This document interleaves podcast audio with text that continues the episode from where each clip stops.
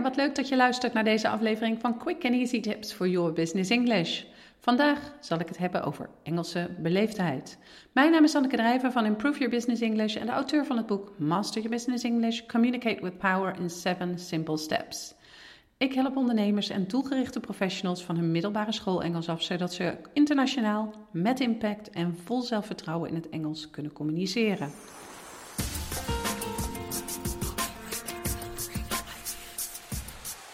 Mag ik je wat vragen? Als je deze aflevering hebt geluisterd, zou ik het echt super op prijs stellen als je een review voor ons zou willen schrijven op SoundCloud of iTunes.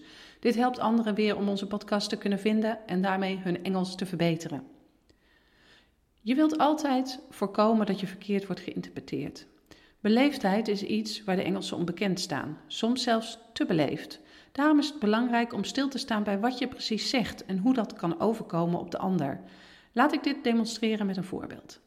Als iemand tegen jou het volgende zegt: We have to cut costs. Meet me in your office at 2 so we can talk about how to do this. Hoe komt dit op jou over? Er is grammaticaal niks mis, maar het kan zijn dat dit niet precies is wat je over wilt brengen. Het kan wat dreigend overkomen. Laat ik nu hetzelfde zeggen, maar op, een, op net een andere manier. I think that cutting our costs might be a good idea. How about sitting down to talk about this? Would two o'clock in your office work? Hoor je het verschil? Het heeft dezelfde strekking, alleen net iets vriendelijker gezegd, minder krachtig. Dat krachtige is precies waarom sommigen zeggen dat Nederlanders erg direct zijn.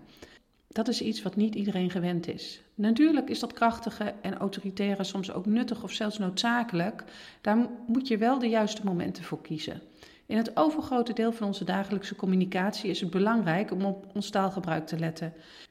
In deze podcast geef ik je tips over hoe je dit nu het beste kunt doen aan de hand van simpele veranderingen in je vocabulaire. 1. Het gebruik van might, would, should en must. Ja, daar heb je ze weer. De modals, zoals ze in het Engels worden genoemd. Waarschijnlijk kun je wel raden welke van deze drie woorden je beter niet kunt gebruiken. Dat is inderdaad must. Luister maar eens naar de verschillen. You must come in tomorrow to finish the report. You might want to think carefully about your next move. We should really get that report done before Monday. Would you be able to come in tomorrow and help get the report finished? Het verschil lijkt me duidelijk. Would en should combineren in één zin geeft je een goede en beleefde zin. In het Nederlands is het normaler om moet te gebruiken. Als ik zeg je moet niet zoveel praten, dan verstoor je de vergadering, zouden er waarschijnlijk niet veel Nederlanders raar van opkijken. In het Engels wordt must vrijwel niet gebruikt. Veel te hard. Luister maar eens. You must stop talking. You're disturbing the meeting. You should stop talking. You're disturbing the meeting. 2. Ontwijk have to en need to. Dit zijn woorden die geen keuze bieden. Je gebruikt ze om bevelen te geven of verplichtingen aan te geven. Natuurlijk moet dit ook wel eens gebeuren en dus gebruik je ze misschien wel zo nu en dan. Maar als je een vriendelijk verzoek wilt doen of überhaupt beleefd wilt overkomen, is het een goed idee om deze woorden te vermijden. You have to discuss these kind of things with me first. We need to work together to figure out this problem. 3. De gebiedende wijze in het Engels. Doe het raam dicht. Ruim je spullen op. Elke taal heeft een gebiedende wijs, maar in het Engels worden ze vaak gezien als te dwingend. Ze ontwijken het gebruik van dit soort uitspraken door eigenlijk altijd alles te verzoeken. Could you please pass the salt zal je vaker horen in plaats van give me the salt. Ze hebben zelfs zo'n aversie tegen het gebruik van give me dat er zelfs een rijmpje is verzonnen dat tegen kinderen wordt gezegd.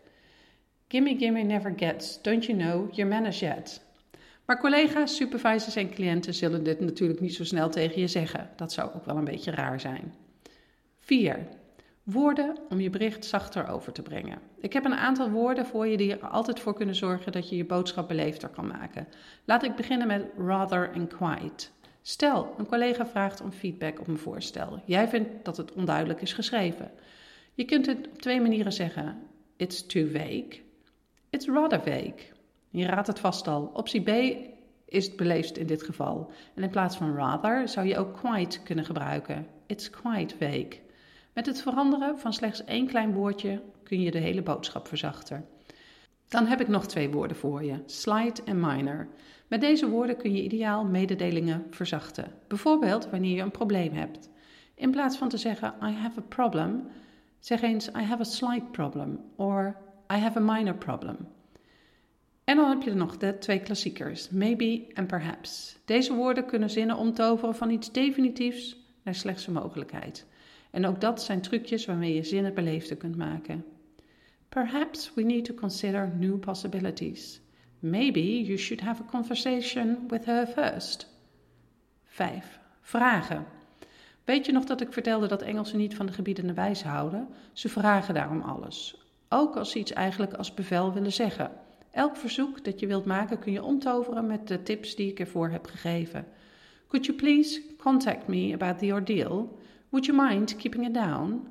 En dan de laatste stap, I think. I think we have a slight problem. I think that it might be too vague. I think we should try to be quiet. Dat zijn zowat alle stappen toegepast in drie zinnen. Hoe zeker je ook bent en ook al wil je eigenlijk iets bevelen, in het Engels kom je zo echt beter over. Zo, dat waren alle stappen. Ik zal de zes stappen nog één keer herhalen. Stap 1. Maak gebruik van might, should en would in plaats van must. Stap 2. Ontwijk het gebruik van have to en need to. Stap 3. Ook al bestaat de gebiedende wijs wel in het Engels, gebruik hem toch maar niet.